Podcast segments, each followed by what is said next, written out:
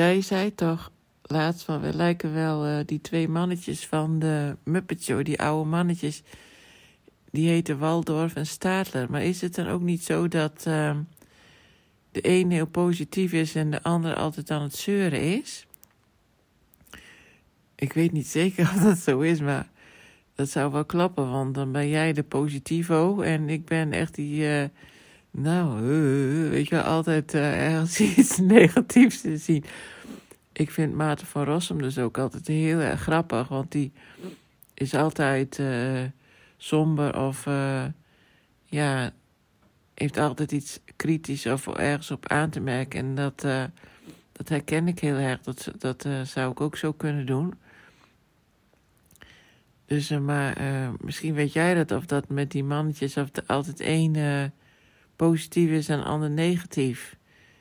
Dat, dat zou wel heel erg komisch zijn, want dan, is het, dan klopt het helemaal, dat beeld.